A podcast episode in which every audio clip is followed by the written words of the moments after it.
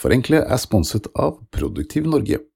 For å stresse mindre og få ting gjort, gå inn på produktivnorge.no. Pust er bokstavelig talt i vinden for tiden. I dag skal jeg dele hvilke pusteteknikker og verktøy jeg selv bruker for å forenkle hverdagen. Og her vil jeg komme med en disclaimer. Jeg er på ingen måte noen ekspert på pust, så dette er kun ment som inspirasjon. Ordet inspirasjon kommer for øvrig fra det latinske spiritus, som betyr nettopp pust. Og inspirasjon har det ikke manglet på når jeg har snakket med pusteeksperter Anette Aasland og zoolog Petter Bøckmann i denne andre episoden om pust. Hvis du ikke fikk med deg forrige episode, anbefaler jeg deg å høre den først. Men her er da altså del to, og jeg har verken holdt igjen på fun facts om pust eller bruken av blåseinstrumenter i denne episoden, så jeg håper dere liker det.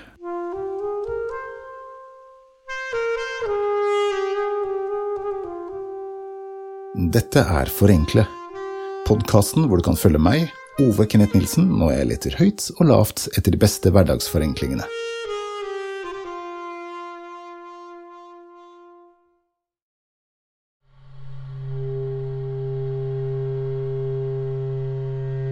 Var den arabiske legen Ibn al-Nafis som i 2043 først beskrev pusteprosessen, og de fleste dyr har jo utviklet en eller annen måte å puste på. Noen dyr bruker gjeller, andre har pustehull oppå hodet, Insekter har et såkalt trakésystem. Hesten kan kun puste gjennom nesa, og blåhvalen er så god på å lagre oksygen at den kan holde pusten i over en time av gangen. Som zoolog Petter Bøckmann kan fortelle, så er vi mennesker langt ifra verdensmestere når det kommer til pust. Hvor mye du trenger å puste, det er jo avhengig av hvor mye du faktisk skal foreta deg. Altså vi, hvis man løper mye eller gymmer hardt, så, så når du, du når denne berømte veggen, som er rett og slett hvor mye klarer kroppen din å hive ut karbondioksid og ta inn oksygen på, i løpet av en, en gitt tid. Fuglene skal fly. Du og jeg, altså, uansett hvor mye vinger og tull vi lager oss, vi får ikke til å fly. Altså, vi, vi, vi, har ikke, vi har ikke biologien til å få til å fly. Fulle får det til fordi de har et mye mer effektivt pustesystem. Vi har en blind sekk. altså Vi puster inn i lungene foretar all gassutveksling, og så ut igjen. Fuglene de puster inn i lungene, og så puster de lufta ikke, ikke ut men videre inn i masse sånne sekker. De går til og med ut i knoklene. Når, når fuglene har sånne hule knokler, så er det altså disse luftsekkene. Så puster de lufta videre ut der, og så går de neste gang når fuglen trekker pusten, så går den lufta tilbake igjen, og så havner den ut et, sånt, et lite stykke oppi luftrøret, sånn at de har en enveislunge. Lufta går ikke inn og ut, den går på en måte bare inn og så går den ut et helt annet sted. Og Det gjør at du kan sende luft den veien, og så kan du sende blod den veien, og så får du en mye mer effektiv gassutveksling. Det tillater fuglene å fly, og det tillater dyr å bli mye større enn det vi er. De gamle dinosaurene, fuglenes forfedre, ble kjempedigre. Det fins ingen pattedyr som når opp i den størrelsen. Vi har ikke, vi har ikke effektivt nok pusteapparat rett og slett, til å komme opp i sånn brontosaurus size. I Østen har de et uttrykk som sier at lengden på åndedragene dine bestemmer lengden på livet ditt. Med andre ord lever du lengre jo roligere du puster. Dette rimer jo veldig med hva Anette Aasland lærte oss i forrige episode om helseeffektene av å roe ned pusten. Jeg har aldri møtt noen som ikke vil ha utbytte av å lære å optimalisere pusten sin. De aller fleste eh, lidelser i i den vestlige verden i dag skyldes lagra stress. Og det er min påstand at det er umulig å stresse samtidig som du har fokus på pusten og puster rolig. Men, men, det er ikke bare de som har lidelser. Det er jo for å unngå å bli syk. Det er jo for å unngå høye skuldre, det er for å konsentrere seg bedre, det er for å gjøre det bedre på en eksamen, for å holde en bedre presentasjon eller et bedre foredrag. Eh, for å fungere bedre på en scene generelt, da, ikke sant? om du er prest eller lærer eller eh, skuespiller eller sanger. Og så er det jo òg på idrettsbanen. For å, ha, for å øke CO2-toleransen og oksygenopptaket i muskulaturen, så er det jo utrolig viktig å trene pust. Eh, det skjer stadig forskning, bl.a. i Japan så har de vist at ved å puste langsomt, spesielt med fokus på utpust, i et halvt minutt, så vil et høyt blodtrykk gå ned. Eh, hvis det er stressrelatert høyt. Russland er veldig opptatt av pust. Eh, I USA så forsker de på utpust, der de diagnostiserer sykdom kun ved hjelp av utpust. Eh, så, det skjer veldig veldig mye, men tradisjonelt sett så har den vestlige verden eh, vært langt etter. I mindfulness og meditasjon og yoga bruker man ofte pusten som et fokuspunkt. Ved å kontrollere pusten roer du ned både kropp og sinn, og forankrer deg i øyeblikket. For et par år siden kjøpte jeg meg en liten duppeditt som hjelper meg med akkurat dette. Det er en liten oppfinnelse som heter Spire Stone, og det er en pustesensor som jeg fester til buksekanten, og som registrerer pusten min gjennom dagen. Sensoren merker når jeg er rolig, konsentrert eller driver med fysisk aktivitet, og blir pusten min for stakkato, så vibrerer den steinen for å gjøre meg oppmerksom på at jeg er stressa. Mobilappen som følger med, den hjelper meg å roe ned pusten mens jeg fokuserer på noen abstrakte grå prikker på skjermen. Jo roligere jeg puster, jo grønnere blir prikkene, og når hele skjermen blir grønn, blir appen glad og forteller meg hvor flink jeg er. Og det jeg gjør, er rett og slett å puste litt dypere enn jeg vanligvis gjør, og så konsentrere meg om å puste saktere. Inn gjennom nesa og ut gjennom munnen med en svak lyd. Jeg passer på å puste med magen mens jeg forestiller meg at jeg fyller opp en ballong som også går opp under armene. Jeg prøver å puste så sakte jeg kan, helt til jeg kjenner at eh, kroppen egentlig har lyst til å trekke pusten. Det er kanskje litt ubehagelig til å begynne med, men så venner man seg til det, og det som skjer gradvis da, er at blodet blir mer effektiv på å frakte oksygen. Dette er noe som kalles for Bohr-effekten oppkalt etter danske Christian Bohr. Blodet ditt frakter oksygen til cellene dine. Til muskler, organer og hjernen osv. Men for at blodet skal slippe fra seg dette oksygenet når det kommer frem til cellene, så trenger det faktisk karbondioksid. Det er nemlig sånn at når du puster for tungt, så kvitter du deg med for mye karbondioksid, og det fører til at blodet bare raser forbi cellene uten å gi fra seg noe oksygenet det bærer på. Så det ironiske er altså at jo hardere du puster, jo mer snurper blodårene og luftveien seg sammen, og jo mer tviholder blodet på oksygenet som egentlig skulle gått til cellene. Det handler med andre ord ikke om hvor mye oksygen du har i blodet, men det som er viktig, er hvor mye som faktisk når frem til cellene. Med Spire Stone og denne appen bruker jeg nå bare noen få minutter på å senke pustefrekvensen min ned fra 14-15 ganger i minuttet til ca. 5 ganger i minuttet. Og dette er motgiften mot stress og uro, og jeg bruker også Spire Stone når jeg mediterer. På slutten av uka får jeg en rapport på mail om hvor avslappet, stresset, fokusert og aktiv jeg har vært, slik at jeg kan følge med. Det, det, forandrer absolutt alt. Eh, jeg gjør det stadig vekk sjøl. Jeg har jo ikke den eh, gadgeten din, da, men jeg har jeg, jeg, pleier å bruke pust også veldig veldig bevisst. Hvis jeg kjenner jeg har en nakkeskade som gjør at jeg har veldig mye vondt i nakken. Mm. og det er jeg veldig glad for. Fordi at Pga. det så kjenner jeg det minste stress. For med en gang det er bitte litt stress, og pusten min blir litt rask, sånn som du sier, så, så får jeg vondt i nakken. Og, den, og, jeg gjorde det senest på vei hit i dag, for da hadde jeg sånn begynnende hode-nakkesmerter. Og da puster jeg eh, noe som jeg kaller for vaguspust, eh, som, som aktiverer vagusnerven, som gjør oss veldig rolige. Der jeg bare puster ut på fem sekunder og inn på fem sekunder i ti minutter. Eh, og, og jeg kjente med en gang så slapp de smertene jeg hadde, taket. Etter fem minutter så er de bare borte. Og en kjenner seg så mye mer i balanse og roligere. Men, men, du sa 14 pust i minuttet. Det er faktisk altså Gjennomsnittlig så sier det mennesker i den vestlige verden puster rundt 20 ganger i minuttet. Og det er jo fryktelig, fryktelig mye. Ikke sant? Jeg satt og venta på et legekontor her for uh, noen uker siden, og da venta i en halv time, og den halvtimen pusta jeg to ganger i minuttet.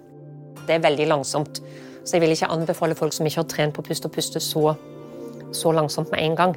Eh, for da kan det stresse kroppen. Men, men det er veldig godt det å bare senke pustemønsteret litt. Grann.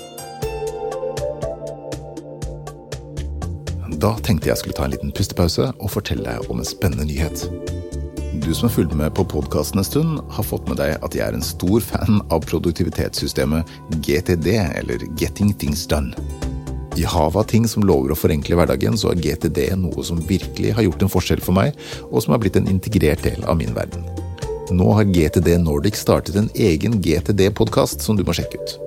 Enten du er nysgjerrig på hva GTD er, eller allerede bruker metoden, så er dette noe du ikke vil gå glipp av. Du finner den på de vanlige podkaststedene, eller du kan sjekke shownotatene for link til GTD Nordic sin podkast. Now, back to the show.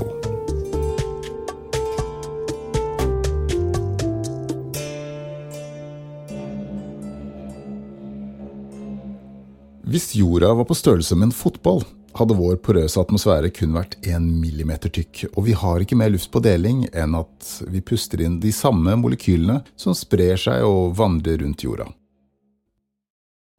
Man kan regne seg fram til at akkurat nå, mens jeg forteller deg dette her, så puster jeg ut resirkulerte luftmolekyler fra både Einstein og Harald Hårfagre. Vi deler nok også luft med den stakkars amerikanske Charles Osborne, som har Guinness-rekord for å ha hikket sammenhengende i 68 år. Hvis du noen gang har lurt på hvorfor man hikker, så er det fordi tip-tip-tip-tip-tip-tip-tipoldefaren din var et rumpetroll. Vi har vært rumpetroll en gang i tiden. At gjelder og gjelledusk og full pakke. Og når rumpetrolla skal gå over fra å være rumpetroll til å bli frosk, så utvikler de svømler, lunger. Og så skal du helst ikke ha vann inn mens den utvikler seg. Så når de puster inn, da, så må de suge vann inn gjennom munnen, og så må de sprute det ut over gjellene, samtidig som du snører inn hullet til lungene. Og du kan tenke deg altså, Dra vann inn og samtidig lukke. Det blir sånn litt ubehagelig. Blir sånn, sånn. Så det det er den egentlige funksjonen til lungene. Og det er liksom starten på pusting. og det er jo, Alle de gamle nervene er der. Vi bruker dem til alt mulig annet. Det er dem jeg bruker å snakke med nå, f.eks. Så av og til så er det noe som går gærent. Det går et støt i, i nervebaner som ikke skulle gått der. Og så oppfører vi oss som rumpetroll. Så hvis du da sitter og, og, og hikker, og sitter og irriterer en banna hikkegreie, så er det altså det rumpetrollet i deg som har tatt et, et steg fra deg. Du kjenner på en måte direkte på, på fossilhistorien. Nederlandske Wim Hoff, også kjent som Ismannen, er ganske populær for tiden. Ved hjelp av sin meditasjon og pusteteknikk har han satt 26 verdensrekorder i bl.a. verdens lengste isbad og for å ha løpt et halvmaraton nord for polarsirkelen i bare boksershorts. Derav eh, kallenavnet Ismannen. Wim har utviklet et system som han lærer bort, og det er den såkalte Wim Hoff-metoden, som bl.a. består av pusteteknikker, kalddusj eller isbading og diverse stretcheøvelser. Jeg har prøvd kombinasjonen iskald dusj og pust om morgenen i noen måneder. Eh, og igjen, her må jeg også si at jeg er jo ingen ekspert, men eh, la meg beskrive teknikkene jeg bruker. I motsetning til den pusteteknikken jeg beskrev tidligere, hvor man bare roer ned pusten, så er da Wim Hoff-metoden kontrollert hyperventilering. Pust dypt inn, og slipp pusten naturlig ut 30 ganger. Når du gjør det, så er det ikke uvanlig at du blir litt sånn ør i toppen, kjenner litt sånn der prikking i kroppen og at det piper litt i ørene. Det er, eh, det er helt naturlig. Det betyr at det funker. På den siste pusten så puster du helt ut og holder pusten så lenge du klarer.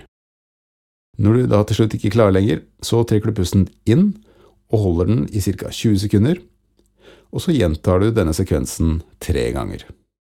Du merker at du klarer å holde pusten lengre for hver gang du gjør det. Hvis du følger programmet til Wim Hof, så skal du ta tiden på hvor lenge du holder pusten, sånn at du kan se utviklingen over tid.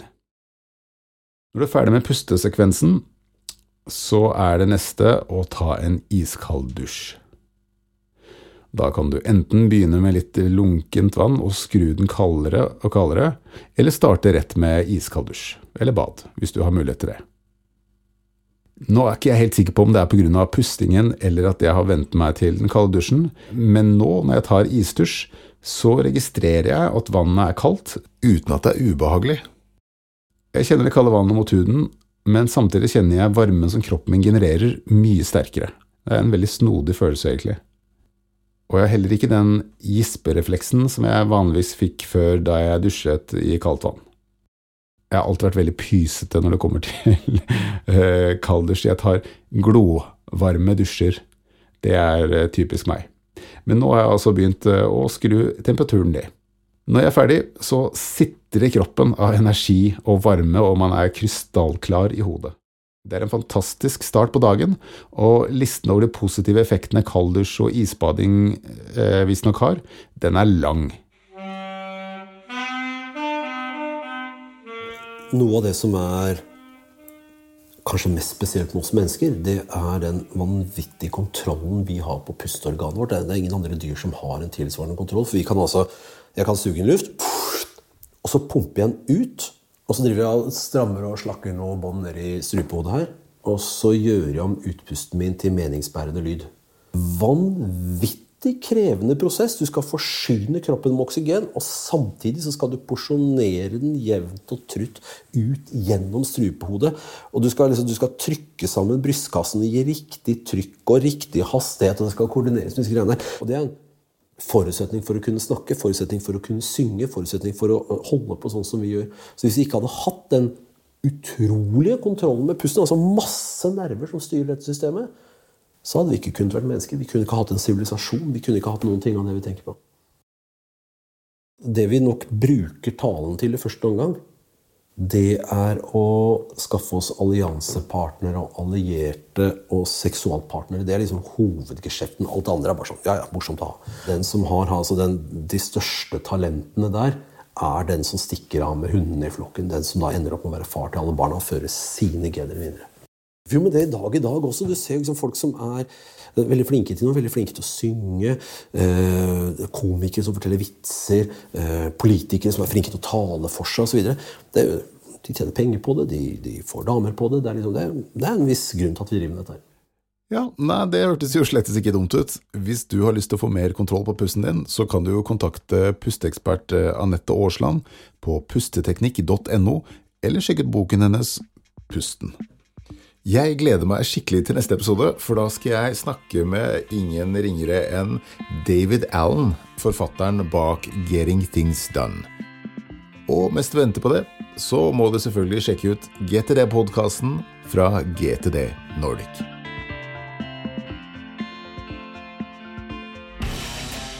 Forenkle produseres av Hokus Fokus i samarbeid med Produktiv Norge. Produsent er Ole Arild Svendsen, og Preben Grieg Halvorsen har laget signaturmusikken og skrudd lyd. Jeg heter Ove Kenneth Nilsen, og husk, det meste blir bedre ved å forenkle det.